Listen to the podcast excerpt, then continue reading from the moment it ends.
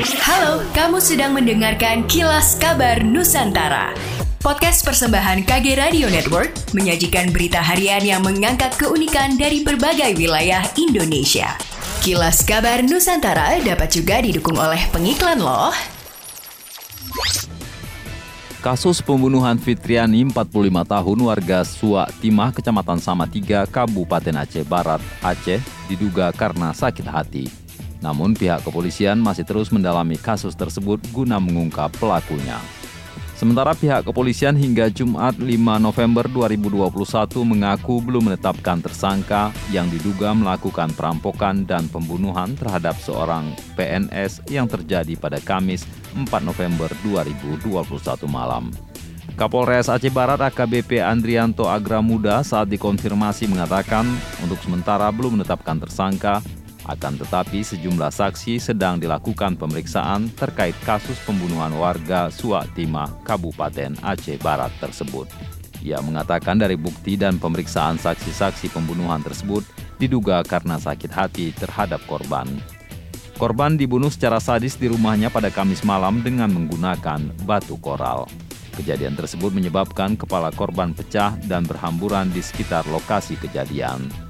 Sementara pihak kepolisian masih terus bekerja guna mengungkap pelaku pembunuhan tersebut yang menyebabkan seorang wanita meninggal dunia dengan sadis. Dalam satu keterangan, Agusni, suami korban, kepada wartawan menyebutkan bahwa dalam kasus tersebut pelaku juga membawa kabur kalung emas dan gelang tangan seberat 30 gram yang dikenakan korban. Eits, suka cerita horor, pop, sejarah wayang, dan kriminal? Nah, setiap Jumat akan tayang podcast drama udara persembahan Motion KG Radio Network by KG Media yang siap menghibur akhir pekan kamu. Pantengin terus podcast drama udara di Spotify ya. Kapolda Kalimantan Selatan Rikwanto memastikan akan memberikan penghargaan kepada personel Polres Kota Baru yang berhasil mengungkap kasus pinjaman online ilegal beberapa waktu lalu mengingat kasus tersebut merupakan yang pertama kali diungkap di provinsi ini dan menjadi kebanggaan bagi jajaran Polda Kalimantan Selatan. Ia menambahkan juga akan mengusulkan penghargaan nasional dari Mabes Polri sebagai apresiasi terhadap para personel yang turut membantu proses pengungkapan kasus. Hal itu diharapkannya juga akan menjadi motivasi bagi anggota yang lain untuk terus meningkatkan kinerjanya dalam memberikan rasa aman dan nyaman kepada masyarakat.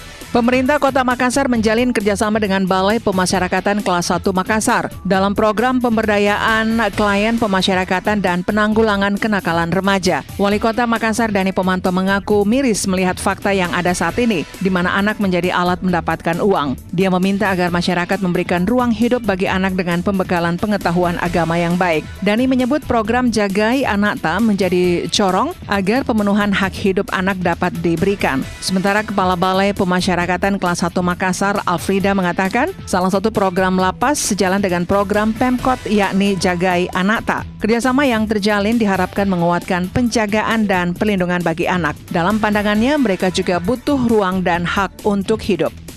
Demikianlah kilas kabar Nusantara pagi ini.